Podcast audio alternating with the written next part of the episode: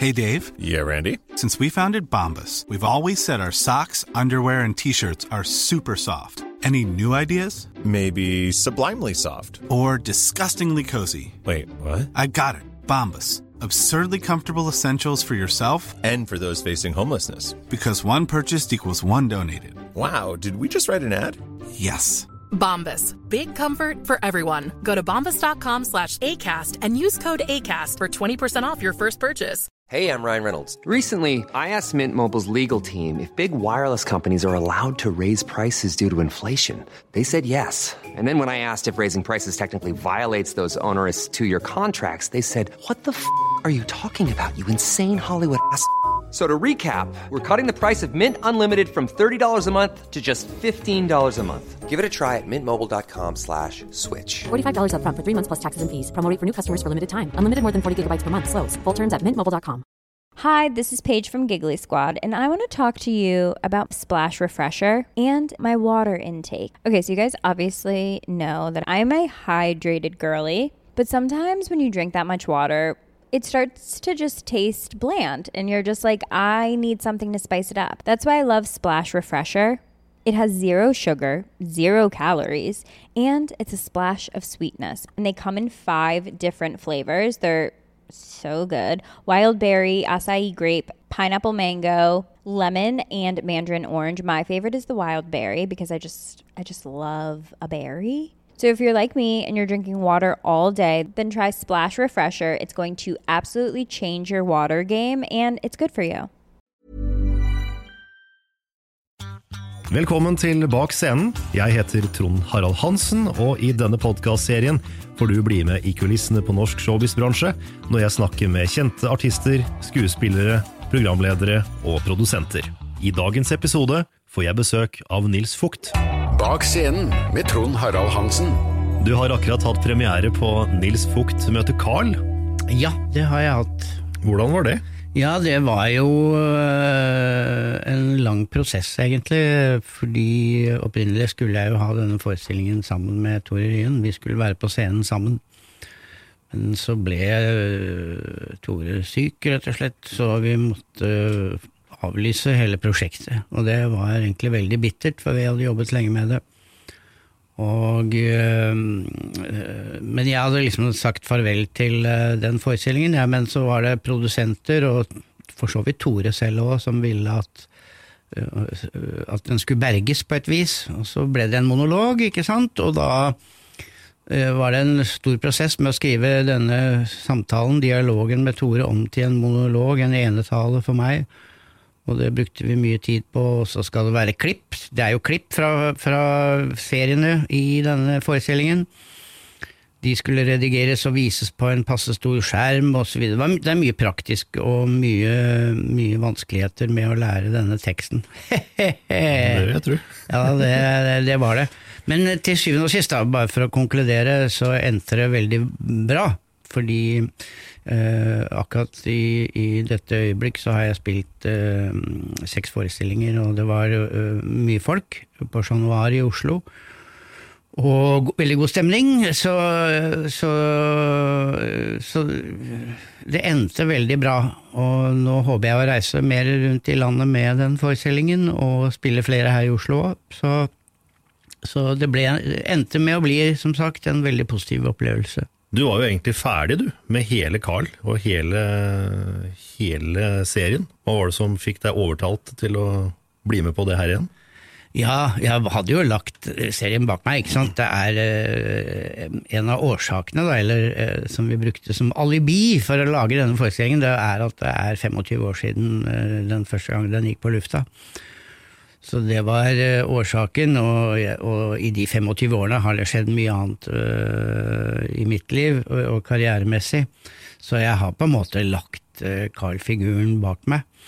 Men nå måtte jeg ta tak i den på nytt, da. Og, og, så det ble egentlig et hyggelig gjensyn med en karakter som jeg har hatt mye glede av på, på mange forskjellige måter. Eh, så, men så Carl, han må jeg nok eh, ta med meg på resten av livet òg, i ryggsekken. Ja. Har du opplevd at Carl-figuren har hindra deg fra å få andre oppdrag, eller at det har liksom vært ødeleggende på noe vis, da? Eh, nei, ikke ødeleggende, tror jeg, men, eh, men det er klart, eh, eh, når du blir såpass forbundet med en rolle som Carl, Carl Reverud, og med temperamentet sitt og sånn, så, så, så knyttes jeg, Nils Vogt, veldig til den rollen.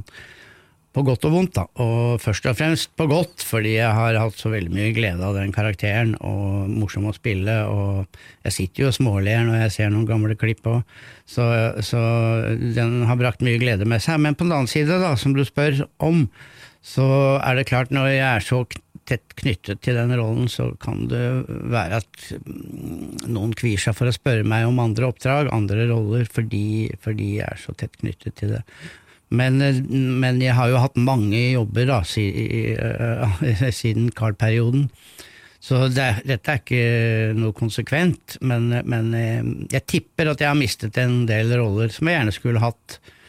Og, men herregud, jeg mener jo selv at det går an å spille alt mulig rart, og jeg liker det. Jeg liker å spille drama og komedie og alt som er. Så jeg har ikke gitt opp å få roller ennå, selv om jeg drar på åra. Det er bra. Hvis vi går tilbake igjen omtrent helt til starten, da. Du var jo et veldig stillferdig barn. Åssen havna du på en scene, liksom? Ja, det snakker jeg litt om i denne forestillingen her, faktisk. Nils Fugt møter Carl. Så er det jo litt karrieren min sett fra mitt ståsted, naturligvis. Og, og så er jeg innom litt barndom og ungdom og sånn. Og, og, jeg kjente jo Tore Ryen, som er opphavsmann til disse seriene, veldig tidlig. Men jeg, som barn var jeg faktisk veldig tilbakeholden og, og egentlig veldig sjenert av natur. Så, så, det hindra meg egentlig litt i å utfolde meg på mange måter. Ikke totalt, men i visse sammenhenger, visse sosiale sammenhenger, så, så uh, så var jeg veldig sky, og, og, ikke så veldig opptatt av å stå i rampelyset, snarere tvert imot. Hadde mer tendenser til å gjemme en sjenert gutt, liksom. Mm. Og det var jeg helt til jeg var sånn 17 år, tenker jeg. Da meldte jeg meg, på tross av all sjenanse, så meldte jeg meg på en sånn skolerevy. En audition til skolerevy. Dette snakker jeg om i forestillingen, og Tore Ryen satt i juryen. Og så plutselig løsna det for meg da, den gangen der, og, og, så jeg ble liksom veldig fort fri når jeg først tok steget da, over i, holdt på å si, eh, tilnærmelsesvis skuespilleryrket. Og, og, så det ble, det ble veldig frigjørende for meg, en veldig avgjørende, et vendepunkt i livet mitt når jeg var med på denne skolerevyen.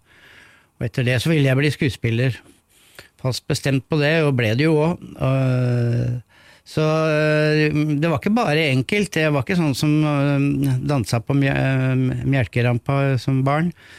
Eh, jeg var ikke noen Sammy Davis junior, akkurat. Men kom meg, kom meg gjennom, og har hatt en, en, en veldig hyggelig karriere, syns jeg. Hørte at uh, når du var liten, så tente du ufrivillig på en bil. Stemmer det? ja. Eh, da var jeg ikke så sjenert akkurat når jeg gjorde det, tror jeg. Eh, det var meg og en kamerat. Vi bodde midt i tjukke Oslo, ved Bislett stadion. Og det var en svær bakgård der. Og der sto det en gammel bil, en sånn førkrigs, under et sånt presenning den gangen. Og den sto der, og så var det kompisen min, jeg og Tom, vi hadde med en fyrstikkeske og jeg var ikke mer enn eh, seks-sju år. Så tente vi på presenningen der, og, og blåste ut. Tente og blåste ut, ikke sant. Og så Det er vel tredje gang det skal være at det går gærent. Da klarte vi ikke å blåse ut. Og så tok det eh, veldig fort fyr i hele den jævla kjerra der. Og vi løp, og med hjertet i halsen, ikke sant. Det var rett og slett Og folk sto i vinduene der, husker jeg, og skreik. Og jeg løp opp til mora mi som var hjemme. Mødrene var hjemmeværende den gangen. Dette er faktisk 50-tallet, ikke sant. Så, og jeg satte meg med et uh, sikkert et Donald-blad i sofaen der og leste mens brannbilene ula på utsida. Og uh, jeg satt helt rolig og leste, og selv om det var fem brannbiler utafor der. Og mora mi gjennomskuet meg ganske kjapt. For jeg var ganske opptatt av um, brannmenn og brannbiler. Da var du helt uanfekta. Jeg var helt uanfekta. Jeg satt og gjespa i sofaen der. Og hun skjønte at noe var splitter pinne gærent. Det var jo, så jeg måtte ned og hilse på brannsjefen og si unnskyld. Det ble et etterspill og mye styr. Folk, øh, jeg var på, hos politiet, og de lurte på om jeg hadde, var en kommende pyroman. Det er jævlig mye styr den gangen. Ja, det vil jeg tro. Ja, de skulle registrere alt. Så, men jeg har ikke tent på noe mer siden da, annet enn røyk i ny og ne. Mm. Ja, men det er bra. Det er bra. Hva var det som fikk deg til å søke da, på den der audition? Ja, øh, det er Det er veldig vanskelig å si. Noe du hadde tenkt lenge, eller bare tenkt at nei, nå bare gjør jeg det? Ja, jeg hadde nok hatt noe i magen, ikke sant? for jeg, som sagt så var jeg veldig preget av, av denne sjenansen min og tilbakeholdenheten, og, og, og, visste vel på en eller annen måte at jeg hadde noe mer inni meg, og ville gjerne vise meg frem. Eh, ikke sant? Eh, ville gjerne bli sett, da. Eh, så det behovet for å bli sett eh, overskygget til slutt sjenansen. Vant over sjenansen, så jeg hoppet ut i det. Men det er klart, når du er sjenert eh, av natur, så er ikke det noe som gir seg, etter min mening. Det, det, det, den væremåten og, og det lynnet, det henger egentlig ved deg hele livet. Så jeg vil påstå at jeg fremdeles er et sjenert uh, menneske, da. Men uh, takler det. Det byr ikke på noen problemer til daglig. Men uh, men i visse sosiale sammenhenger så, så merker jeg det godt. Og, men lever godt med det. Det er liksom, det er jo ikke noen sykdom. Nei, nei, nei. det er mer et, en, et, et lynne, liksom, en, vær, en væremåte. Ja. I, I, den tida som fulgte, da, så ble det jo en del revy, og spesielt russerevy. Ja, det var Husker vi spilte russerevy. Da var Tore Ryen også involvert. Øyvind Blunk var, var også med på russerevy, så vi ble venner for livet fra den gang. Uh, fant hverandre i humor og, og, og, utviklet et ordentlig vennskap. Men det var en fin tid, selvfølgelig. Og da ble jeg valgt ut liksom, Alle ville være med på russerevy den gangen, og, så den audition der var jo mye større enn på en skolerevy. Så jeg var ganske fornøyd med å, å komme gjennom det nåløyet. Og det betød jo også mye, for da det, da gikk det jo en stund, da. Så søkte jeg teaterskolen, liksom, og kom inn på første gang jeg søkte, faktisk. Men før det så jobb, hadde jeg noen småjobber, hist og pist. Eh, jeg eh, kjørte kaffe, og jeg jobba på Frydenlunds bryggeri og litt forskjellig. Og var i militæret også, i Garden, faktisk. Oh, ja. Og jeg er jo Oslo-gutt, så det passa meg fint å Stå utafor Slottet? Ja, stå utafor Slottet der. Mora mi kom og tok bilder av meg, selvfølgelig. Ja da, det var så stas. Mm. altså, de, de, jobbene jeg snakket om der, de var uh, typisk foreløpige, for da var jeg veldig bestemt på å bli skuespiller og søke teaterskolen, og jeg hadde disse småjobbene. Og jobba bare noen måneder. Uh, for, for å, tjene, komme seg videre? Ja, for å tjene penger mens jeg venta. Og forberedte meg uh, mm. veldig til den prøven da, på teaterskolen. Og var egentlig ganske nervøs, selvfølgelig, når jeg søkte der. Men um, jeg skjønte underveis at jeg hadde en mulighet der, og det gikk bra. Og det, det er vel en av de Ja, når jeg fikk det brevet at jeg var tatt inn til, og, og, opptatt som elev på skolen, det var vel en av de lykkeligste i livet mitt, egentlig, så langt. Hva sier mor og far, da? Det er jo ikke et helt tradisjonelt yrke. Og. I hvert fall ikke på den tida, da. Nei, det, det kan du si. Faren min var bankmann. Uh, jeg hadde veldig godt forhold til en veldig grei kar, rettferdig mann. Uh, så, så de var nok engstelige når jeg plutselig skeia til de grader ut og ble skuespiller. Det var det ingen i familien som hadde vært noen gang. Og vi har et svært stamtre hjemme. Men skuespiller, nei, det hørte ikke hjemme hos fuktene, i hvert fall. Så eh, en viss eh, skepsis kanskje og engstelse fra mine foreldre, men, men også veldig støtte, da. Så fattern han sa du er jammen heldig som har fått hobbyen din eh, til jobb. Så han var ganske raus og, og var og så på meg når jeg ble, sto på scenen til slutt, og gledet seg over det, selvfølgelig. Både mutter'n og fattern. Men han var litt engstelig, for du spilte også på Klubb 7 og fikk betalt i Ja. rødvin, holdt jeg på å si. Ja, ja, det- det, det var vel ikke noe mer? Ja, ja, du husker det, eller du har lest det. Ja, øh, når jeg var øh, 18-19 år, det var øh, ja, faktisk i 1920, så jobbet jeg på øh, Klubb 7, som var en legendarisk bohemklubb i Oslo den gangen. Og de hadde lokaler på noe som heter Kongen i Frognerkilen der øh, da, og jeg vanka mye der. Og spilte også teater der med, med sånne frontfigurer den gangen, som Sossen Krog og, og mannen Guy Krog. Det, det var skikkelige bohemer eh, den gangen. Og eh, jeg trivdes veldig godt i, faktisk, i det miljøet der.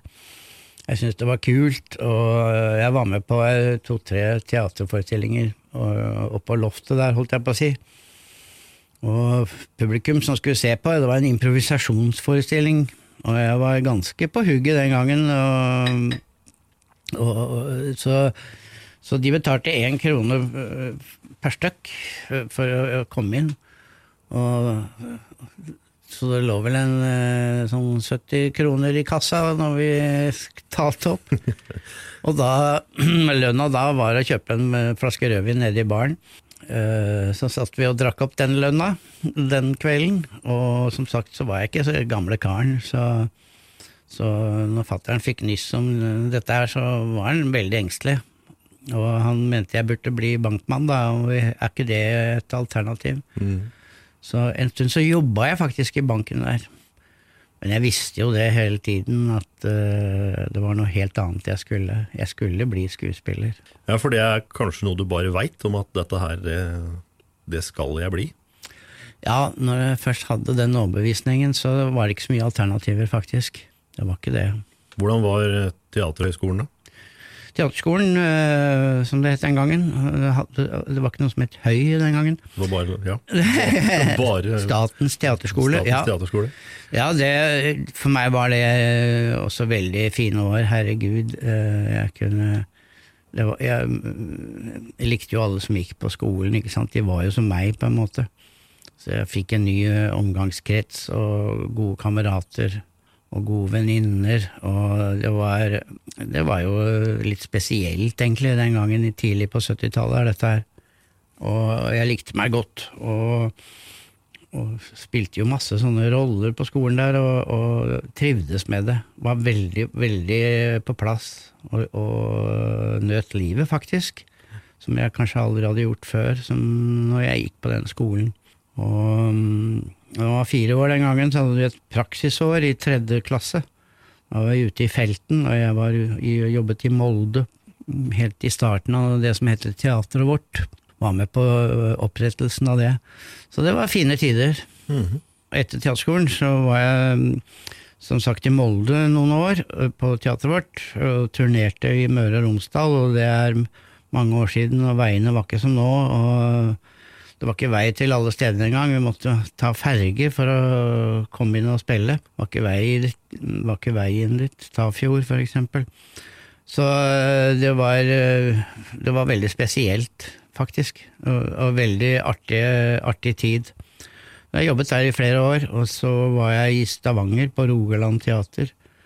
øh, og hadde, fikk veldig mange fine roller og utvikla meg utviklet. Jeg har noen klipp. Øh, Jeg måtte klippe ut kritikkene den gangen jeg jobba på Stavanger, for da var det mye gode anmeldelser som jeg har glede av å lese nå. Ja, det gikk jævla bra. Og så var jeg på Den nasjonale scenen i Bergen, og jobbet der. Og, og jeg har alltid likt meg i Bergen òg, faktisk. I motsetning til en del østlendinger, men eh, jeg syns Bergen er helt eh, spesielt og fantastisk. Og der møtte jeg også kona mi, så, så du skjønner, det går, flasker seg etter hvert. Det ordner seg. Det ordner seg. Man står og rødmer litt i klasserommet som 14-åring, og så ordner det seg etter hvert. Ja. Hvordan er det å spille på sånne steder hvor du må ta ferge inn, da. Og det er liksom eh, Det er nok ikke der det er aller mest kultur. Nei, eh, altså det stedet eh, Tafjord, nå er det veien ditt. Og, eh, men den gang var det veldig avsidesliggende, og, og det gikk jo et svært ras inni der på 30-tallet, og, og, og, bygda var fremdeles, vil jeg si, nesten preget av det. Eh, der inne i den bygda der, den gangen så bodde det vel eh, 100 stykker, tenker jeg, totalt. Og alle eh, mener jeg var i, og så på den forestillingen vi hadde der. Eh, alle, hele bygda var der, altså. Mm. det var uten unntak småunger og babyer og brannvakta, og alle satt der. Eh, en helt spesiell opplevelse. Det var ikke noe hotell, vi bodde privat hos folk. Å oh ja, dere bodde hos uh, folk? Ja, ja, ja. Det var ikke hotell i Tafjord den gangen, jeg husker om det er nå. Men en helt spesiell opplevelse. Et av de mest spesielle stedene vi spilte, men vi var mange avsidesliggende steder i, i Møre og Romsdal den gangen. Mm. Og for meg som Oslo-gutt så var det en fantastisk opplevelse, egentlig. Du og Tore har jo kjent hverandre i over 50 år. Ja. Dere traff jo hverandre på skolen. Han gikk ett år over deg. Ja, Tore er et drøyt år eldre enn meg. Han, vi gikk på noe som heter Uranienborg folkeskole, barneskole. Og han gikk et år over meg, og jeg kjente han ikke da, men jeg, jeg, jeg visste jo godt hvem han var hele tiden, liksom. Men vi var ikke personlige kamerater. Og, og, så jeg bare hadde la merke til den, liksom. Og så etter hvert så flytta vi til Frogner gymnas, videregående. Og der gikk han òg, stadig et år over meg. Og, og, Tore var godt synlig i alle sammenhenger.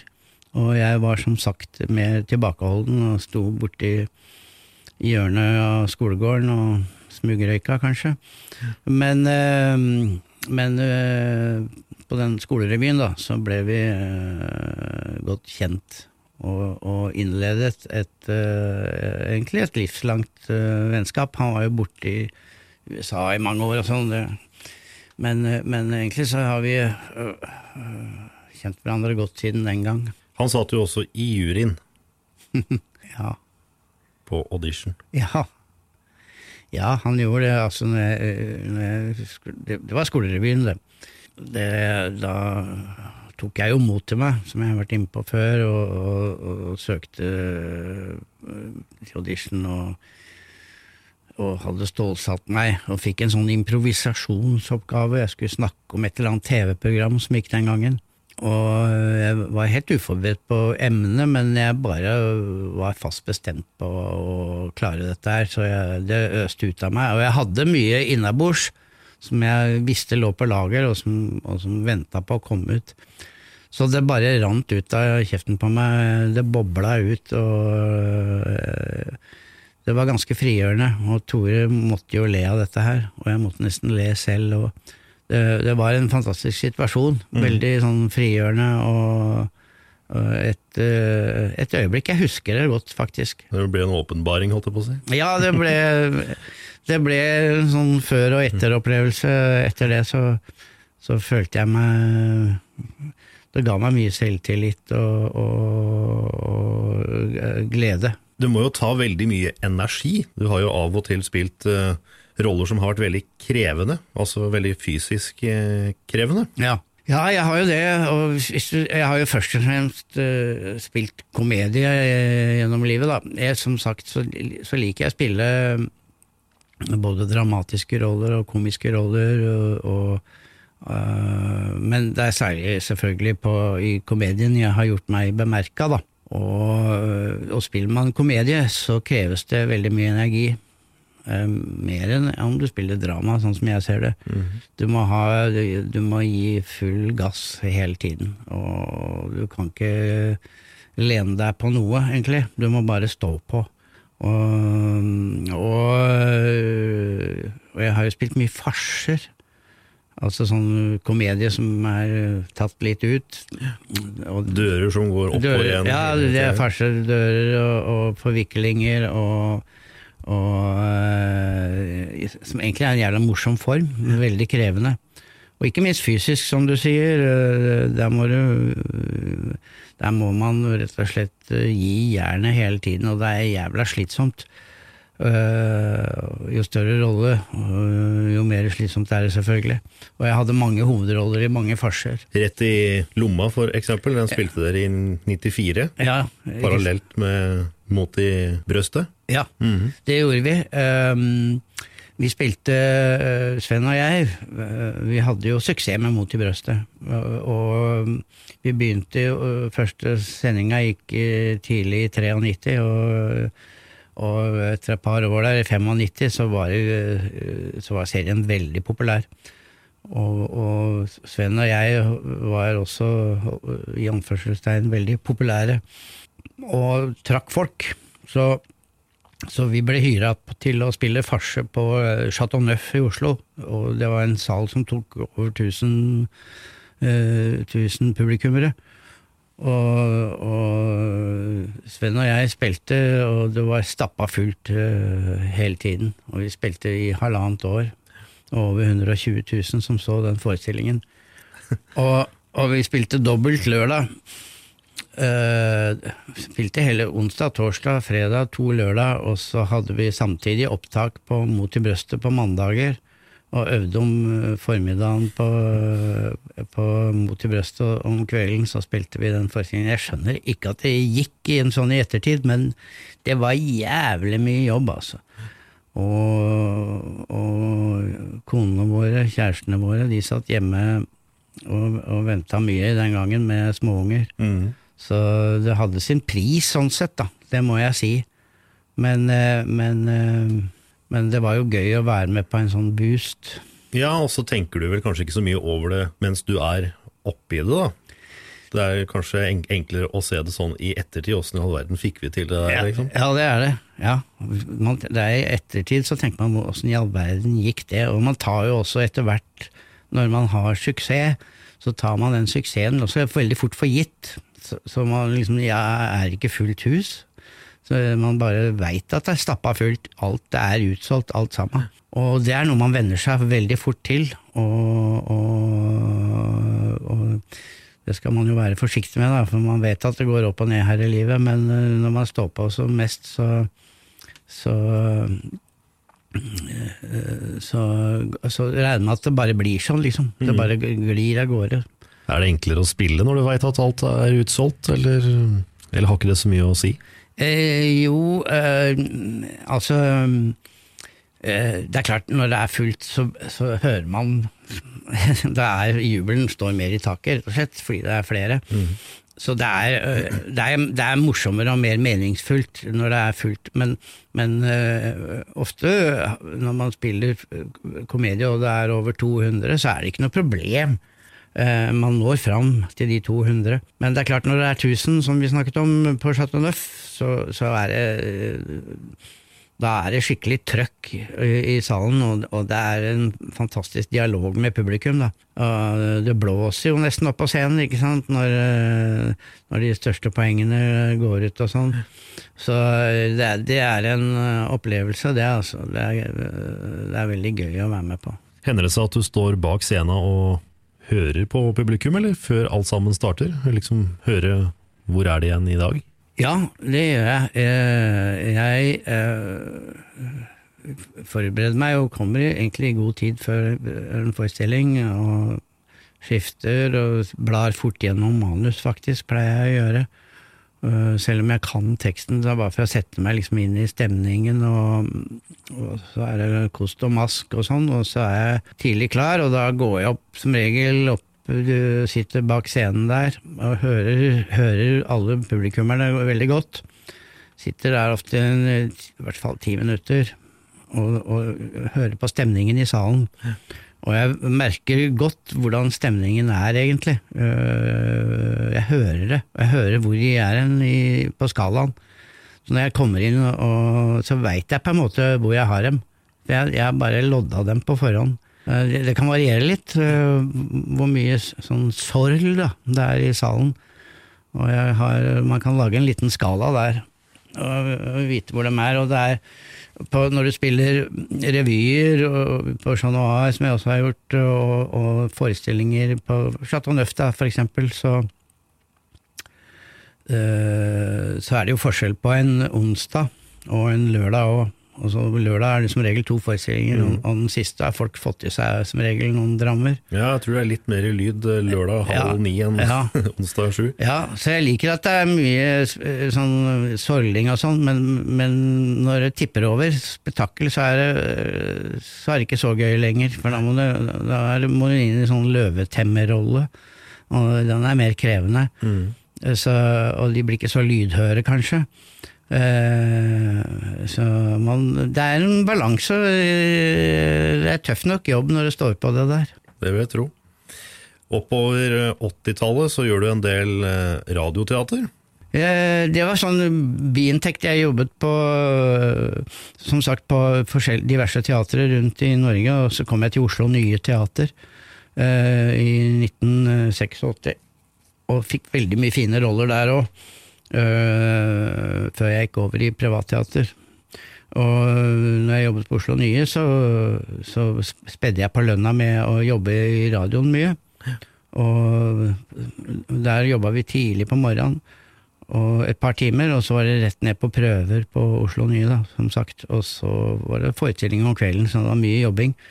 Men jeg tror jeg har vært med på en, nesten 50 radioteaterforestillinger. Og det var spe spesielt i den tiden der, 80-tallet, slutten av 80-tallet, 90-tallet. Hvordan er det å spille radioteater kontra vanlig teater? Det er jo selvfølgelig helt annerledes, men eh, Ja, det er annerledes. Vi, på Radioteater så får du lov å ha manus, du leser. Står foran mikrofonen og leser, men du skal jo øh, ikke høre sånn ut. Det skal være liv, du skal liksom lage atmosfære. Eh, så det er en veldig artig utfordring å spille radioteater, og, og, og kunsten der er å lage en atmosfære, lage det til et liv. Og, og i gamle dager var det mange, mange gode skuespillere eh, som oppe i årene når jeg var ung skuespiller, eh, folk som var født eh, nesten på 1800-tallet. ja, det var nesten 1800-tallet, faktisk. Eh, 1910-1920. Mange av de folka der de var jævlig drevne på radioteater. Og de, de fikk det til å svinge noe jævlig. Det var mye å lære av dem. Og det var det at de klarte å skape eh, rom rundt seg. Skape et miljø. Og, og, og veldig troverdige dialoger. Og radioteater var jo, var jo gøy i min barndom, og herregud. Må du ta alt mer ned, holdt jeg på å si, enn det du gjør på en scene? Ja, det, for så vidt eh, så gjør man jo det.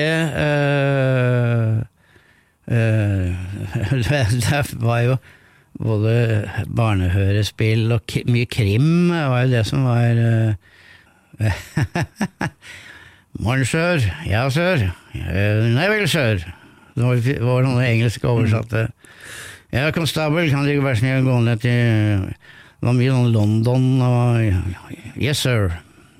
Eh, men det var gøy, og så hadde jeg som sagt eldre skuespillere som jeg digga noe jævlig. Det var en som het Lars Nordrum. Han var en djevel på radio, og øh, han som spilte Stumpa i de gamle øh, hørespillene. Og Jeg var så heldig å bli litt kjent med Lars, så, så jeg spurte han hele tiden, en gang vi jobba sammen, om han ta litt Stumpa for meg, da. Og så gjorde han det. Og så spilte jeg med Dan Fosse samtidig, og han var han som spilte Bodø i Så de to gutta laga show for meg. Ja, ja, ja. Eh, men jeg spilte ikke dessverre med en annen som het Gisle Straume. Det var han som var lektor Tørdal, og var den morsomste, da. Han som fikk meg til å le så jeg grein. Eh, har gode minner fra den serien. Jeg var også sånn radioteater i det hele tatt. Eh, det betød veldig mye i 50, på 50-tallet. Da. da var det svære greier. Ja, og, og delvis i 60-tallet òg. Det var jo storhetstida, liksom. Ja, det var storhetstiden. Og, Dick Dick Dickens og- Ja, det var masse. Og vi satt, eh, hele familien, og satt og hørte på lørdagskrim og andre, og Ibsen òg. Uh, husker jeg satt at øh, Ibsen øh, Når jeg var sånn tenåring, så var det Villanden av Ibsen som ble sendt som radioteater, og jeg satt med, med øh, Ibsen-boka, manuset, og, le, og fulgte med på, i boka. Så jeg, jeg var nok litt interessert den gangen òg. Ja ja. Det er nok ikke mange 15-åringer som er det i dag. Nei, det var Nei, kanskje ikke. Det er ikke godt å si. Nei, jeg, var, jeg var nok interessert, det lå nok og ulma der, den teaterinteressen, ja. Når er det du sjøl føler at karrieren begynte å ta av, da, så du liksom blei eh, landskjent, allemannseie? Ja, allemannseie, det er, det er når jeg spiller Mot i brøstet, faktisk. Eh, og akkurat før jeg begynte med Mot i brøstet, så ble jeg hyra til å spille på Chateau Neuf i Oslo. Sammen med Rolf Wesenlund, en hovedrolle sammen med han. Ja. Ja, da begynte det å flaske seg. Det var uh, ute av drift, ja. Og uh, Som også var en suksess. Den ble til og med filmet. Uh, den filmen Jørgen Grisvang. Jørgen Grisvang, ja, det er helt korrekt. Vi tulla mye med, med, med disse navnene. Eh, nei, men Da begynte jeg å bli litt mer eh, kjent liksom, for folk flest, med den farserollen der. Og det å spille med Wesenlund bare var status i seg selv. Og det var jo selvfølgelig jævla gøy å spille med han. Men sånn rikskjendis, da måtte det mot i brystet til. Men et par år før det så gjorde du eh, noe for NRK som het Helt Nils. Ja, øh, det var et øh, sånn times øh, TV-show som egentlig jeg veit at Elsa Lystad skulle ha, men hun ble forhindret. Altså på kort varsel da, så spurte de meg om jeg kunne ta den liksom bolken der og lage et show, et soloshow med forskjellige innslag. Og det var en jævla jobb. Det var, vi hadde veldig kort tid, og, og jeg grudde meg til det skulle sendes gikk på lufta. Og ikke uten grunn, for det var, ikke, det var innslag der som jeg øh, ikke var fornøyd med. Right. Ikke fornøyd med den gangen, og egentlig ikke fornøyd i dag heller, men nå, dag heller. nå kan jeg se det med, med en viss avstand. For det var litt av hvert. Mm, øh, så det var egentlig en påkjenning, det der programmet der. Eh, Men jeg måtte gripe sjansen da når jeg ble spurt. Ja, ja, ja. Der hadde du jo også fram igjen eh, psykologen, som du et par år tidligere hadde hatt i eh, Over til Rødt. Ja, det stemmer. Det var en forestilling på Oslo Nye Teater. Jeg jobbet der i fem år. Og øh, så spilte vi en forestilling som het Over til Rødt, hvor jeg hadde en, ikke hovedrolle, men en veldig tydelig rolle i løpet av det, den forestillingen som en psykolog. Og den forestillingen ble øh, tatt opp av NRK, sendt på NRK. Og, og var, den var det mange som la merke til, for den For jeg hadde egentlig full klaff med den tolkningen der av han psykologen, som var mest opptatt av seg selv. Ø, og jeg hadde en sånn der måte å mm, mm, mm, ø, lagde sånne lyder, og han var en jævla snåling. Jeg hadde veldig glede av å spille den, og heldigvis var det veldig mange seere og publikummere som også hadde glede av den. Så jeg ble lagt merke til der, faktisk. Men når du skal lage en slik rollefigur, da, hvor er det du henter inspirasjonen da? Eller henter du inspirasjon, eller hvordan er det du gjør det? Ja, det er jo Som skuespiller så gjør man jo observasjoner og sånn. Og, øh, og øh, ser på folk og prøver å, å, å lage lage forskjellige karakterer, men det er sånn veldig nitid arbeid. Jeg leser manus veldig nøye alltid, og prøver å finne ut hvem dette kan være. Det er viktig når man er skuespiller, å finne ut hvem man spiller. Og du bør ikke være så veldig utrert, egentlig. Jeg er ikke så opptatt av det. Det kan være Det er ikke så mye som skal til, ofte. Men eh, det er veldig gøy å, å, å finne en sånn type, da. Når du har han inne, så så, så, så, blir du så godt kjent med ham at du, kan, du veit åssen han reagerer i alle situasjoner. Så ja, man blir jo inspirert av, eh, av andre skuespillere òg, naturligvis, men, eh, men, eh, men først og fremst er det et sånt hjemmearbeid, det der, på mange måter, å finne ut hvem den karakteren er som man skal spille. I 92 så er jo Tore tilbake igjen etter mange år i USA. Og han kommer på døra hos deg. Ja. Eh, Tore Ryen, som sagt, vi hadde jobbet eh, en god del i, i, tidlig i karrieren våre. Og så eh, ble Tore borte. Han jobba i, i USA, i Los Angeles, i, i ti år. Han bare forsvant, tok med seg familien og ble borte. Og jobba med TV-underholdning. Og, og jeg hadde nesten glemt fyren, men så plutselig så var han på døra mi. Og ville ha meg med i en sitcom som han hadde skrevet, sa han. Og jeg var skeptisk, for jeg, da gikk det bra på Oslo Nye for meg. Jeg hadde Det begynte å flaske seg med min egen karriere, så jeg var ikke så veldig opptatt av å gjøre risikable ting. Og jeg visste at når du jobber med Tore, så er risikoen relativt stor. Det kan gå alle veier. Selvfølgelig. Og, så jeg var skeptisk. Men Tore kjenner meg, så han veit at jeg generelt er skeptisk, så han lar seg ikke skremme av det. Så han sto på, og til slutt så ble jeg absolutt overbevist. Og jeg hadde hørt at Arve Oppsal skulle være med, og det var en fyr jeg hadde lyst til å jobbe med. Arve Oppsal var en aktet og, og egentlig en superkjendis, for å bruke det ordet, da, den gangen. Og, um, og etter hvert så fikk vi hyra med Sven Nordin, og det var egentlig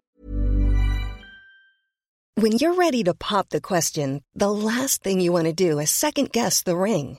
At Bluenile.com, you can design a one-of-a-kind ring with the ease and convenience of shopping online. Choose your diamond and setting. When you find the one, you'll get it delivered right to your door. Go to Bluenile.com and use promo code LISTEN to get $50 off your purchase of $500 or more. That's code LISTEN at Bluenile.com for $50 off your purchase. Bluenile.com code LISTEN. Hiring for your small business? If you're not looking for professionals on LinkedIn, you're looking in the wrong place. That's like looking for your car keys in a fish tank. LinkedIn helps you hire professionals you can't find anywhere else, even those who aren't actively searching for a new job but might be open to the perfect role. In a given month, over 70% of LinkedIn users don't even visit other leading job sites. So start looking in the right place. With LinkedIn, you can hire professionals like a professional. Post your free job on linkedin.com slash spoken today. Bare oss tre i starten der, i de første episodene. Og vi lurte fælt åssen dette skulle gå. Det var, vi hadde våre Det var ikke, på skinner i starten der for å få dette til, da. Det var, det var ikke så lett. TV 2 var helt ny kanal. Mm. Ikke hadde de studio? Nei, og, nei, det var ikke studio hadde de, og det hadde Tore regna med, så han øh, fikk jo sjokk når han, øh, når han ikke hadde noe sted å spille inn dette her. Og det var jo ingen som egentlig visste hvordan hvordan dette skulle spilles inn, bortsett fra Tore.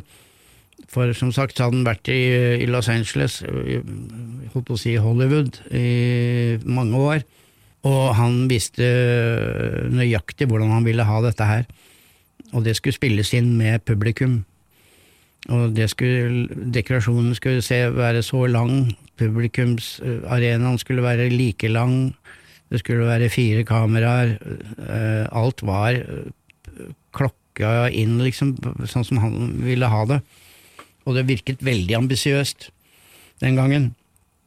Så vi tenkte, Arve og Sven Nordin og jeg, vi tenkte åssen i helvete skal dette gå? Uh, men han uh, var godt forberedt, altså, det skal sies. Og, og uh, vi kom jo på lufta til slutt, og, og etter mye om og men, faktisk. Og begynte forsiktig, som alle sånne serier gjør, men eh, det gikk søren ikke lang tid der før vi ble veldig synlige. Hva tror du er årsaken til at eh, serien blei så populær? Ja, det er på mange måter eh, et vanskelig spørsmål, faktisk, for det, er ikke så lett å svare på. Vi, nå har jeg jo jobbet i forbindelse med denne forestillingen jeg har. Nils Vogt møter Carl, så måtte jeg se på mange gamle klipp og og, og mimre øh, selv òg, tilbake til tiden og alt som skjedde den gangen. Og, øh, og det, det som slår meg, er jo at de varierer ganske mye i kvalitet, på en måte, de epi episodene der. Selvfølgelig, noen er morsommere enn andre. Vi lagde jo 142 av dem, det er helt utrolig. Og, og, men det som er gjennomgående, er at det er en veldig god stemning i det, en veldig fin atmosfære. Det er noe veldig trygt og godt med den serien der, som, eh, som eh, gir, eh, gir folk en veldig god stemning. Og så er den veldig inkluderende, den serien, i den forstand at den, den henvender seg til alle aldre. Og det er en av grunnene til at den har så stor suksess, tror jeg. Tre generasjoner kunne sitte sammen og se mot i brøstet, og alle kunne glede seg. Og det er ikke så ofte det skjer, men det skjedde med den serien. Så, øh, så den var på en måte enestående i, i sin tid, da, i 90-tallet der. Og, ikke, og også fordi vi hadde dette øh, live audience, dette publikummet. Vi hadde 300 inne på hver, øh, hvert opptak. Så det var øh, Og en annen grunn til at den ble så populær, er at vi jobba som et helvete. Altså. Vi sto på som øh, ville dyr i, i mange år for å få den til. Øh, Så, så det betalte seg, det òg, da. Ja, for dere hadde utlevering av manus på tirsdag, og så var det øving og, og sånt eh, da Ja. ut uka, og så opptak på mandag. Ja, vi fikk manus tirsdag, og Tore han skrev jo eh, alt for hånd, han i sånne gamle skolekladdebøker. Eh, og av og til måtte vi vente. Han hadde ofte et halvt manus på tirsdag. Så kom vi og leste det, og så kom andre halvparten uh, på, på onsdag.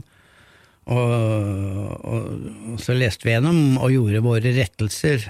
liksom Forma våre egne replikker og strøyk litt. Og, og føyde til noen småting og sånn. Uh, som man alltid gjør med alle manus. Og, og så torsdag så hadde vi liksom uh, manuset klart, og så måtte vi legge et arrangement, for det er jo som en forestilling dette her, og faktisk som et lite teaterstykke. Så vi jobba som dyr øh, hele fredagen med å legge et, et arrangement, et sånn um, og, og, og lærte, Da gikk vi med bok, da, for teksten måtte vi lære i løpet av helga. Og, og mandag var det opptak, og da var det tidlig på morgenen, så var det full rulle. Og publikum kom eh, klokka seks eller noe, sju kanskje, jeg husker ikke helt. Og så var det opptak, fire kameraer som sagt, øh, rett i boks. Som regel tok opptaket halvannen time. Så og, ja, det, var, det var egentlig helt spesielt spesielt og helt enestående på mange måter. Og dette holdt vi på med, altså med Carla Co. så holdt vi på nesten åtte år med det her. Mm. Jeg antar at publikum i studio de var eh, veldig entusiastiske. Det var de. De visste hva de gikk til, bortsett fra de aller første episodene. da, da lurte de fælt på. Men vi fikk, det fort, eh, vi fikk dem veldig fort hekta på. Og serien tok jo av, eh, bokstavelig talt. Den hadde sinnssyke eh, seertall ganske fort. Og, og, så det ble rift om de billettene i studio. Og vi hadde 300. Og, og ofte når, når man lager TV, selv i dag, så kan det være vanskelig å få folk til å komme og, og se på i studio. Eh, Det var det den gangen òg, men ikke hos oss. Det var kø og ja, rift om billetter, og en voldsom stemning. Og, fordi de, de syntes det var veldig stas å se oss live, rett og slett. Eh, og og åssen vi lagde dette her. Med, vi hadde jo ikke Vi hadde sånne øh, mikrofongreier øh, som gikk på sånne stativer. Altså det, ble, det var veldig amerikansk. Det, så, det, var, det var svært opplegg, rett og slett.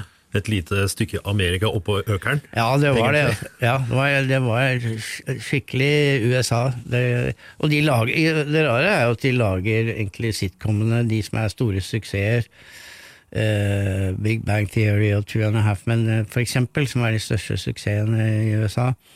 De lager jo på samme måte, for så vidt, ennå.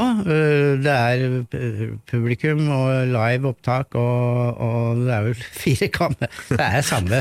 Der, og, og, de lager én i uka, sånn som vi gjorde.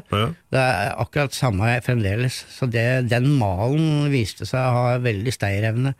Men det var vel egentlig bare Tore som som har fått til det på den måten noen gang i Norge. Ja, det er jo det. Det er, jo, det er vel ingen andre produksjoner som liksom har holdt på så lenge. Da. Nei, på, Nei. på den måten. Eh, det, det, er, det, er, jo litt rart, egentlig. Det lages jo mange sitcomer. Jeg har hatt gleden av å være med på flere, og jeg har hatt glede av det. Men alt er på location. Det er inn i en leilighet, det er ut på gata og sånn og sånn. Mens vi lagde alt i studio, og, som en forestilling. Og, og full fart og en, en, energi som vi fikk gjennom publikum der, og, og i samspill med publikum. Eh, så, så, ga de opptakene en helt eh, spesiell atmosfære, som nok er mye av grunnen til at den ble en så stor suksess. Starten var jo veldig stusslig, det henger ikke så veldig mye på stueveggen der? Nei, altså i begynnelsen var jo eh, dekorasjonen bare en sånn så ut som en sånn tom eplekasse med en trapp på sida der. Og vi hadde så vidt fått inn den røde sofaen som ble kjennetegn. Og, men vi hadde ikke noe Det hang jo ikke noe på veggene ikke sant? Når, når vi skulle gjøre det første opptaket der. Vi følte ikke at det var klart. Og det gikk over stokk og stein. Så øh, det var jo ingen da som tenkte at øh, det skulle bli 100 episoder eller over det. Vi tenkte snarere at øh, vi får være glad hvis det blir ti. Og, tror, og det var vel et spørsmål om det ble så mange en gang, for såpass vanskelig var det å få dette opp å stå. Men plutselig, så, og ganske fort, vil jeg si, så løsna det. Så Tore var Hans erfaring fra USA var jo helt avgjørende. Eh, det hadde jo ikke blitt noe mot i brøstet uten hans opphold og hans kunnskap om hvordan man lagde sitcom der og hvordan han klarte å overføre det til norske forhold, øh, det var det, var det som var helt avgjørende. I episode 1-12 så er det jo også utrolig mange kjentfolk med. Henki Kolstad, Lars Andreas Larsen, ja. Ingrid Vardun. Ja, vi, vi, vi, vi, Tore hadde jo veldig mange Hadde et slags øh, holdt på å si, nettverk sagt, av skuespillere som han kjente. Så, og han har aldri vært redd for å spørre om, noen, om noe som helst, så han bare ringer direkte og spør. Så vi hadde jo, Men han kjente mange av disse, da, så vi hadde jo med Leif Juster, Henki Kolstad, eh, ja, Lars Andreas, eh, som du sa.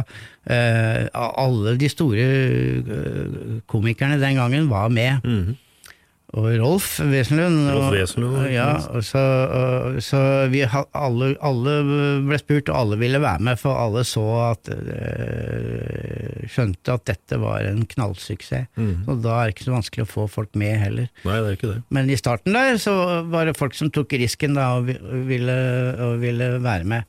Så ja, det er litt gøy å se. Det har vært mange gjesteskuespillere der opp gjennom årene. Når den serien var ferdig på tampen av 97, så flytter dere Carl til en leilighet, og så blir det Carl og co. Da ble det Carl og co. Vi fant ut at vi måtte gjøre noe nytt med, med Carl-figuren. Uh, og uh, Mot i brøstet hadde da gått 142 episoder. Det er på en måte nok, faktisk. Og Arve var blitt en eldre mann og, og, og, var blitt litt syk, faktisk, så øh, han måtte nesten gi seg den gangen. Så, og, og, uten han så øh, var det ikke noen grunn til å fortsette. Og Sven Nordin han ville gjerne øh, bryne seg på noe annet stoff enn den Nils-rollen, og det er veldig forståelig. Mens vi så at Carl-rollen hadde veldig mye i seg. Sånn at uh, Tore og jeg og, og, regissør Endre Bjørnsen vi satte oss ned og mekka på en ny serie. Og som kom Carl og Co. opp med en helt ny uh, rolleliste. da. Og, men Carl var den samme, uh, men med nye utfordringer da, og i nye omgivelser. Så um, og da fikk vi en fantastisk eh, For det er veldig avgjørende, og imot i brøstet, at alle skuespillerne fungerte. Som uh, Siv Anita Andersen og Hilde Lyron og, og Liv Thorsen, som spilte svigermor, holdt jeg på å si, Elna. Eh, fantastiske folk. Vi, alle funka, det er en forutsetning. Og det eh, er selvfølgelig en, var selvfølgelig en forutsetning med Carl og Co. men vi fikk en fantastisk eh, cast der, og, med Knut Lystad og, og Harald Eide Steen jr. og Grete Kausland og Minken Fossheim delvis Eldar Vågan av alle. Vågan, og... Ja, da, vi hadde en, et, et, stjernelag, og de, det funka veldig fort, ja. Så den ble jo like populær, faktisk, den serien, og er litt Den er litt mer fin, litt mer litt mer up to date. Faktisk så holder den veldig bra ennå, syns jeg. Eh, så jeg hadde jo veldig glede av den, å lage den serien nå. Han virker jo mer gjennomarbeida på et vis? Ja, den er mer sånn sjangertro, liksom. Mer ekte sitcom. Eh, vi hadde jo publikum der òg, og egentlig samme studio spilte vi inn i. Og mange av, av premissene var de samme, det var gitt. Eh, men, ehm, men, den var litt mer Dialogen var litt mer, hva skal jeg si, voksen. Mm. Så vi fikk mistet kanskje noen publikummere som digga Mot i brøstet, og så vant vi noen nye. Sånn, sånn, ble, fikk en litt større, større anerkjennelse, kanskje. Og, og, alle de skuespillerne fungerte fantastisk. Og når jeg sitter og ser på disse gamle klippene i forbindelse med forestillingen min, da, så så ler jeg jo veldig av Harald Heidesteen jr., som uh, ble en god venn av meg, og som jeg var veldig glad i, og som jeg savner. Han er strålende i hele serien der. Det er en fest hver gang han banker på døra. Bare han viser seg, så er det Ja, Smestad. Uh, vaktmester Smestad. Uh, en herlig figur han lagde der, og, og Harald var jo en herlig figur privat òg en, en, en humørspreder av rang, så det, det, var alltid en fest å jobbe med den serien. Og, og mye morsomme folk, som, som sagt, med Knut uh, KLM-Knut og, og, Minken og, og Grete. Og det er jo jævla trist at mange av disse her er borte, da. Mm. Uh, Harald og Grete og, og Minken, dessverre. Uh, veldig trist. Men de lever i hvert fall i den serien. De skapte, brakte mye glede til folk. Er det litt sånn vemodig å, å, se det igjen, eller? Ja, det er jo det når jeg ser på, ser på det. Jeg var jo så godt kjent med alle de tre. Og at alle tre er borte, er, det er jo veldig vemodig. Uh, sånn er det for så vidt med Arve òg, men Arve var jo en eldre herre når han uh, tok farvel. 86 eh, eller noe, og, men ingen av disse andre ble jo 70. Nei, så, så, det så, det har en tragisk dimensjon. Det har det. Det var rett og slett tragisk med alle tre. Eh, så Men det forhindrer ikke at, uh, at, det er veldig morsomt å se disse gamle episodene med Carl og co. Mm -hmm. Det blei 66 episoder? 65? Ja, 65, og så lagde vi en sånn uh, noe som het tusenårsjubileum i, i sånn millennium-affære, uh, hvor de to seriene ble koblet sammen. Det var to episoder. Mm. Så egentlig er det 65 Carl Co., 142 Mot i brøstet, og, og den dobbeltepisoden, da, så til sammen blir det 209 episoder. Når den kom på video, så solgte jo den helt sinnssykt. 135 000 VHS-er tror jeg gikk ut med, med den der, med den der dobbeltepisoden. Den tusenårsjubileet, mm. ja. 135 000. Det, det, eh, serien var eh, Begge seriene var ekstremt populære. Og opp gjennom årene så er det jo sendt i reprise ufattelig mange ganger, alle disse episodene. Og til sammen så blir det jo noen helt øh, sykt høye seertall som eh, ingen eh, eh, annen komiserie er i nærheten av å matche. Ikke i nærheten. Så det er helt veldig spesielt. Mm -hmm. Og det er såpass spesielt at, at, at det er faktisk verdt kanskje en forestilling som jeg har nå, da, med Nils Vogt møter Carl, hvor jeg mimrer litt om, om, disse to seriene. Først og fremst Mot i brøstet, da. Mm -hmm. Eh, det er, det er verdt en liten historie, for det, det er spesielt. Det var på en måte TV-historie. Dere solgte jo også um, potetgull, T-skjorter, krus, Ja. puslespill, you name it. Liksom. Ja, ja. Det, ble- det, det også solgte jo helt eventyrlig bra. Ja, det var jo veldig rart. Det var typisk eh, Tore, Tore Ryen, det òg. Han øh, kom jo Har jo nesten blitt amerikansk når han kom tilbake, og, og, og sånn merchandising, som det heter, det var noe nytt i Norge, og vi solgte jo alt mulig rart. Gensere og trøyer og caps og, og mye mer enn det, og spill, de underligste ting. Og alt gikk unna som bare det, eh, i stort monn. Og um, vi har litt uh, uh, salg av sånne gamle holdt på å si, effekter. øh, Av sånne øh, krus og, og T-skjorte. Nå, i forbindelse med den forestillingen jeg har nå, så, så, og det viser seg at fremdeles er det marked for dette, så det er jo Mm. Dere var vel også omtrent de eneste som kunne få betalt for å skrive autografer? ja, eh, ja, Arve Oppsal, og jeg syns det var helt strålende.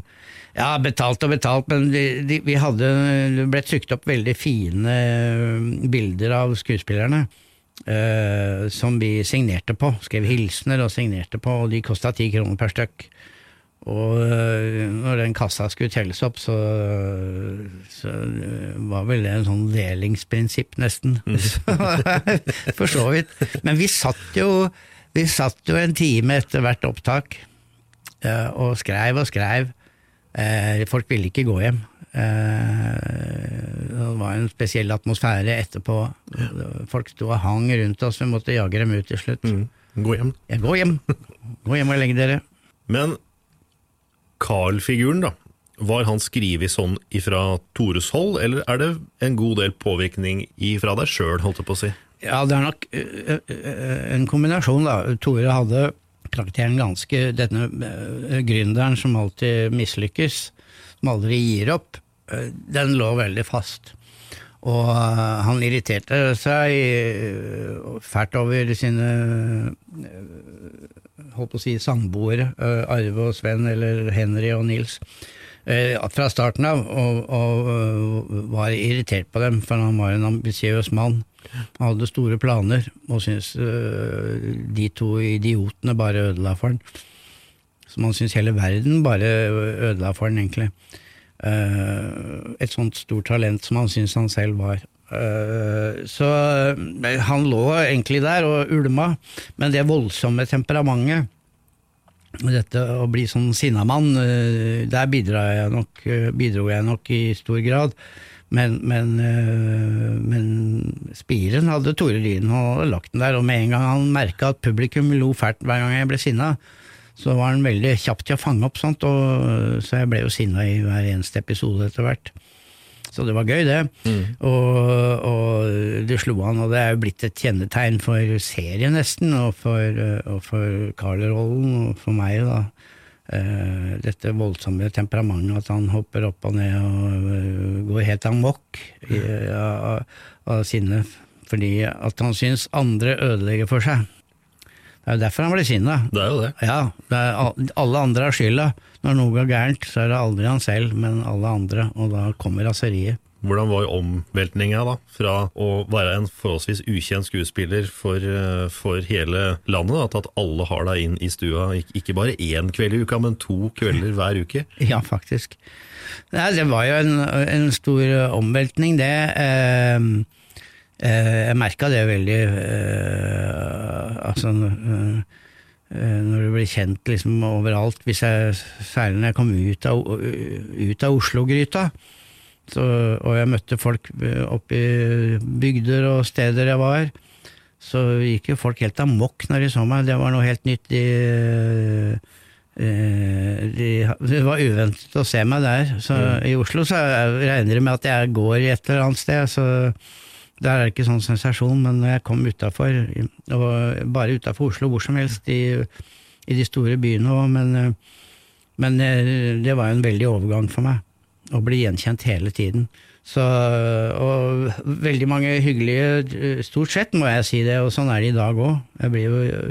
Folk hilser jo på gata i dag òg. Og, mm, og den gangen òg veldig mye hyggelige tilbakemeldinger, folk vinka og hilsa, men, men ikke bare. Altså, vi, ambisjonen til serien var å henvende seg til alle, den skulle være veldig inkluderende, og det fikk vi til. Men det er klart noen holdt på å si hata den serien òg, jeg tror det. Og, eller sånn er det bare. Du når ikke alle, men vi nådde veldig mange, da. Men, eh, men selvfølgelig ikke alle. Noen irriterte seg over og syntes at eh, humoren var så som så, og, og, og det ene med det andre. Og kjøpte ikke premissene. Men, eh, men det, var, det var unntaket. Men jeg har jo vært i kontakt med begge parter. Så jeg har fått både kjeft og blitt skjelt ut, og, og, men først og fremst mye lovord og klapp på ryggen og, og, og mye hyggelige tilbakemeldinger, og, som er veldig oppløftende for meg. For jeg får følelsen av at jeg har gledet mange gjennom den, eh, eller de to seriene. Å bli skjelt ut, det er jo litt sterkt da, egentlig. Ja, det er det, og, det førte mye med seg å, å ha den, eh, hva skal jeg si, kjendisstatusen. eh, folk eh, kommer jo bort til meg hele tiden, og, og har de fått seg en dram, så er det i hvert fall ikke tvil. Og som regel, som sagt, hyggelige tilbakemeldinger, men noen skjelte meg ut og syntes jeg burde holde meg for god for å være med på sånt tø tøys og tull. Tull. Ja. øh, jeg burde holde meg til min Shakespeare, mm. men, øh, men øh, så det var begge deler. Og, ja, og jeg snakker litt om det i forestillingen nå, øh, om reaksjoner som var de underligste.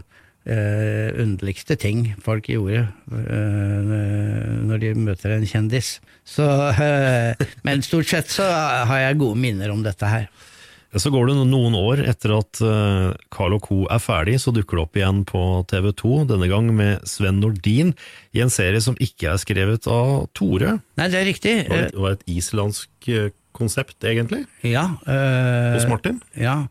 Uh, Bjarni Thorsson heter han vel. Um, uh, som jeg har jobbet med ved, ved et par anledninger. En jævla flink, energi, energisk islending som hadde det konseptet. Og ville jobbe med Sven og meg. Og øh, det ble, det ble serien hos Martin, som også TV 2 øh, lagde. Og, og, eller som TV 2 sendte.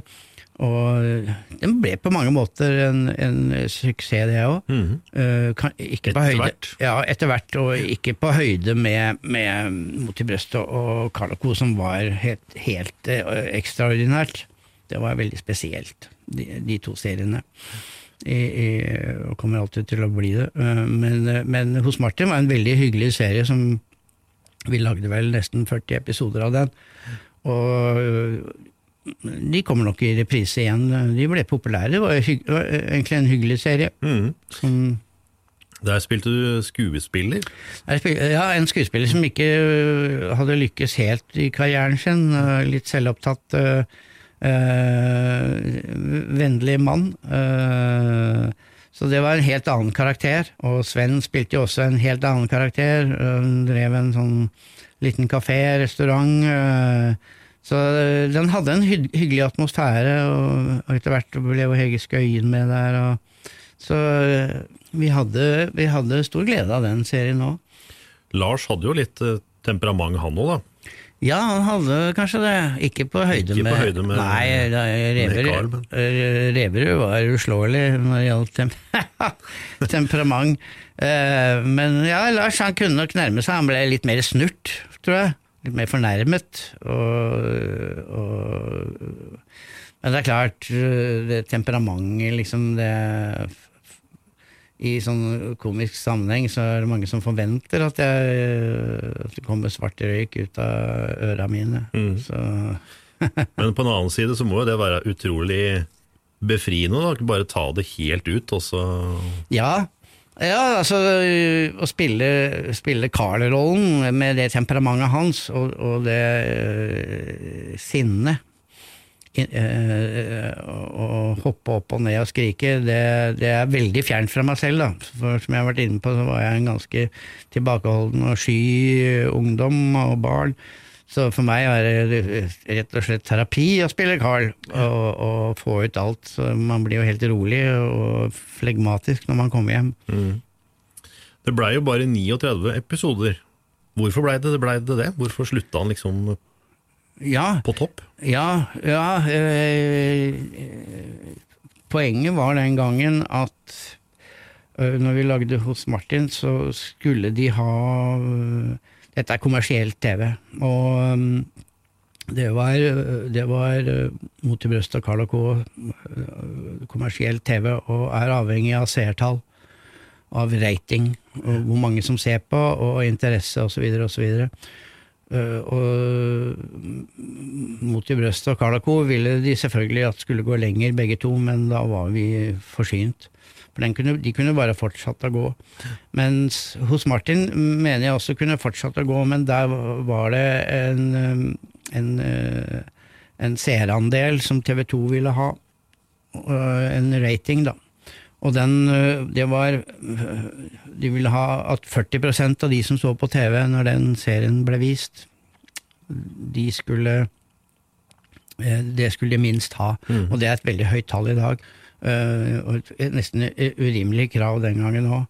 Uh, 40% veldig mye. Og vi lå på sånn 6-37% seerandel. Det var bra tall. Det er jo veldig nært, da. Ja, og, og, og 37-38. Og så fikk vi en fra TV 2 et ultimatum. Det, vi måtte over, det måtte over 40% innen en da, viss dato. Og vi lå 38-39, faktisk. Men dealen var 40% og vi kom ikke opp i det. Og så ble den tatt av. Uh, ganske brutalt, og det var ergerlig. Og, og, og, rett etter dette så fortsatte jo visninger, for vi hadde jo flere på lager, og da gikk den over 40 år. Mm.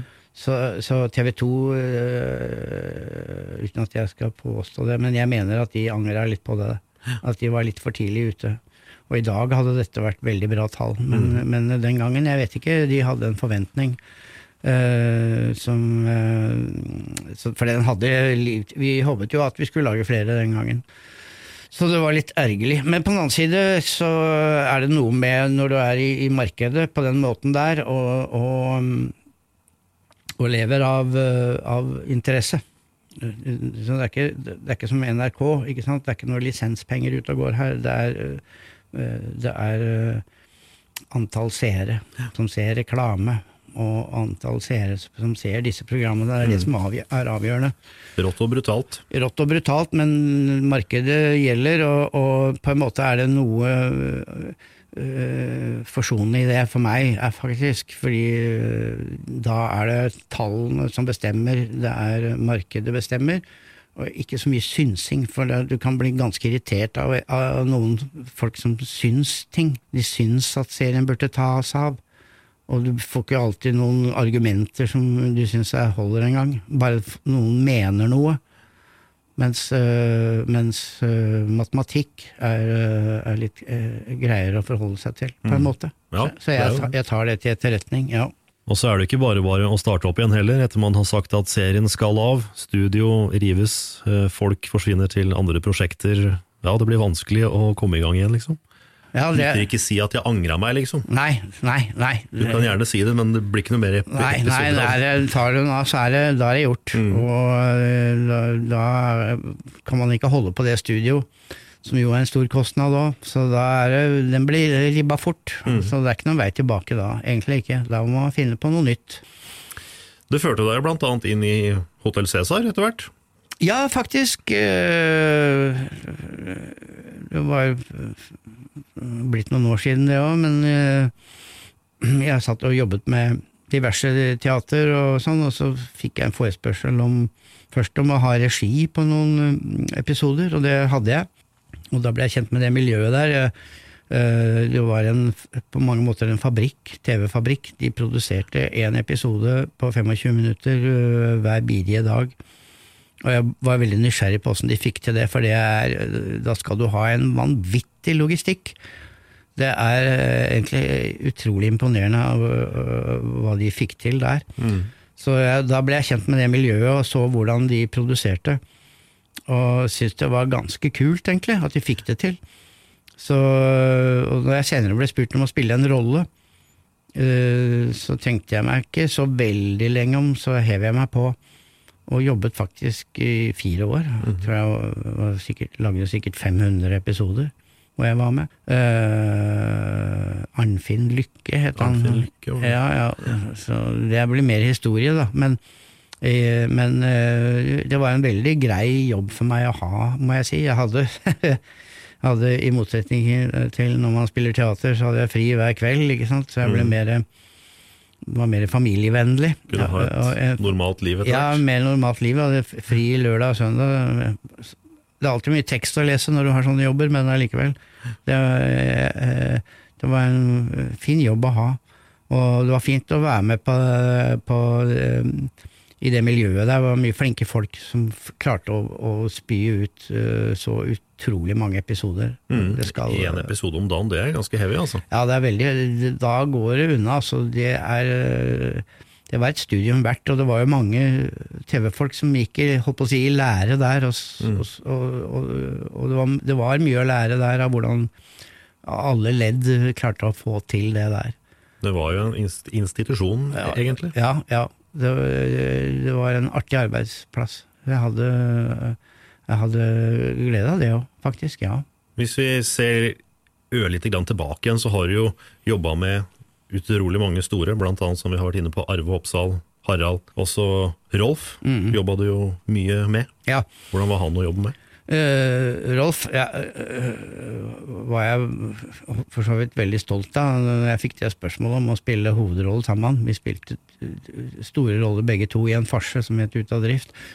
Og jeg, og jeg hadde ledd svært mye av både Rolf og Harald, Wesensten, ikke sant, som ungdom og sånn. Jeg digga de gutta der. Og plutselig så sto jeg på scenen, etter hvert med Harald òg, men først med Rolf. Og det var en fest å jobbe med Rolf. Han boblet av humor. Det var det som var mest uh, kjennetegnet han. han. Han så alt med et humoristisk uh, skråblikk, og var veldig morsom på alle måter svær og røslig, da, og syntes det var slitsomt å stå på scenen. Og når vi spilte dobbelt, så da måtte jeg jobbe enda mer for å, for å holde han i gang, holdt jeg på å si. Han, uh, han ble sliten. Han var, han var ganske tung. Og, så røyka han eh, 1000 sigaretter hver dag. Jeg spurte han hvor mange røyker du? 1000, sa han. Ja vel, sa jeg.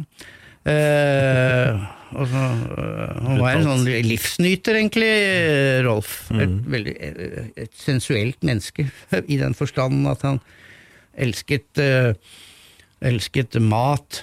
Alt som kunne spises? Ja, han elska mat, altså. Og helst husmannskost skulle det være. Ikke så mye ål, Og han elska et glass øl, og det måtte være ikke noe kjellerkaldt, for han det skulle være iskaldt. Og, og han nøt det, det var nesten morsomt å se. Så røyken og ølen og maten, eh, da likte han seg godt. Så hadde han ustanselig godt humør, og vi delte garderobe i lange tider. Og, og jeg, jeg lo og lo av Rolf. En morsom mann. Kunnskapsrik var han òg. Og veldig glad i kona si, da, Ruth, så det var synd han gikk bort. Uh, så var det Harald, jeg må ta han i samme slengen, da. Eh, for eh, han, han var kanskje den jeg lo mest av når jeg var sånn eh, 16-17-18. Og det var en fest for meg å bli kjent med han. Og han var veldig morsom privat, hadde, var en humørspreder. Uh, han plystra og sang og og kom alltid på jobb i godt humør som et barn. Eh, og han hadde sikkert sitt å stri med, men, uh, men uh, viste det sjelden, og, og var, var sine venners venn, han altså, og fant på mye rart. Og, og det er vel nesten ingen jeg har ledd så mye av som Harald. Så jeg hadde, og han er jævla morsom i, i Karl Co. Det er bare å se på de gamle episodene. Han er mor konstant morsom der. Han likte seg, han, han trivdes i den rollen. Og øh, var en, en gjennom festlig type. En herlig fyr, rett og slett. Og det var i Karl og Co. med Harald, da. Og, og, Og Arve i Mot i brøstet var jo også en legende øh, når jeg traff han. Og var jo øh, over, godt over 70 år han når vi starta Mot i brøstet. Men altså, han klarte å henge med i, i, i de fem årene vi holdt på. Og, men han, han det, det, tok på. For det, Ble sliten? Ja, det var en jævla tøff jobb, egentlig. Eh, det gikk veldig fort for seg. Vi lagde eh, som sagt en teaterforestilling en gang i uka. Hadde premiere en gang i uka på en teaterforestilling. og det var tøft nok for Sven og meg den gangen. Og enda tøffere for Arve, selvfølgelig, av alderen. Og, men han hang med, han var en steier av rang, og en, et oppkomme, han òg. En, eh, en personlighet en flott mann, egentlig, og med et og stadig på strøjobb hele livet. Mm. Fullt av et, et lager av vitser og, og blødmer og gråviser han hadde på, og lo av det sjøl og var Kunne fortelle noen gråviser av og til som du fikk helt bakoversveisa, av, men en jævla morsom mann og vennlig. En veldig snill fyr. Det gjelder uh, alle disse gutta jeg har nevnt nå. Det det er uh, vennlige, snille sjeler. Mm. Som har spredd mye bra? Ja, det, ja. Mye glede? Ja, mye bra vibrasjoner rundt omkring i landet, ja. Eh, hva skjer framover nå, da? Ja, som sagt så øh, lagde jeg denne, eller ikke jeg, men vi, denne forestillingen Nils Fugt møter Carl som jo mimrer om denne tiden, da, med Mot i brøstet og Carl Co. og og øh, som det virker som om publikum setter stor pris på, og som jeg også har glede av å formidle. Så opprinnelig skulle jeg øh, ha seks forestillinger på Chat Noir, de er nå gjort, og det var god stemning, så vi fikk lyst til å fortsette, og det gjør vi. Så jeg spiller på mm, Det blir flere forestillinger på Chat Noir. Og jeg håper også å få turnert uh, landet rundt uh, hvis det er etterspørsel. Og, så, så, og det er jeg interessert i. Mm. Å, å, fortelle den historien og vise disse gamle klippene. Og hvis folk har glede av det, så kommer jeg så gjerne. Så det, det gleder jeg meg til. Da sier jeg takk for uh, besøket. Da sier jeg takk for at jeg fikk komme. Bare hyggelig. Det var min samtale med Nils Fugt. Jeg heter Trond Harald Hansen, og du har hørt podkasten Bak scenen, en podkast som tar deg med på baksiden av norsk showbiz-bransje. Husk at alle episodene ligger tilgjengelig på Spotify, iTunes og andre steder du henter podkast. Så håper jeg vi snart høres igjen.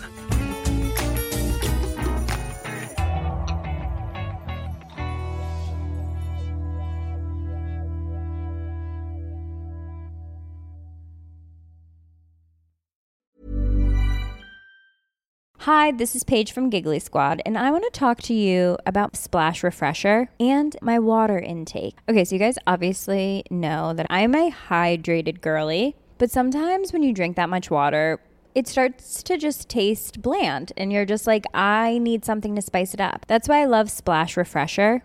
It has zero sugar, zero calories, and it's a splash of sweetness. And they come in five different flavors. They're so good. Wild berry, acai grape, pineapple mango, lemon, and mandarin orange. My favorite is the wild berry because I just I just love a berry. So if you're like me and you're drinking water all day, then try Splash Refresher. It's going to absolutely change your water game and it's good for you. ACAST powers the world's best podcasts. Here's a show that we recommend. The Real Housewives is a guilty pleasure for most, but if you're looking to not feel guilty about that pleasure, tune in to Everything Iconic with me, Danny Pellegrino, where I break down all the messy moments and behind the scenes antics of Bravo's popular franchise. And on Everything Iconic, I also interview celebrity guests like Kelly Ripa, Kiki Palmer, Drew Barrymore, Cameron Diaz, and more about their guilty pleasures, their past work, and so much more.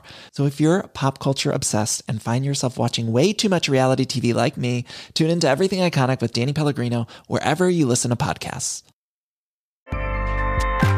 ACAST helps creators launch, grow, and monetize their podcasts everywhere. ACAST.com.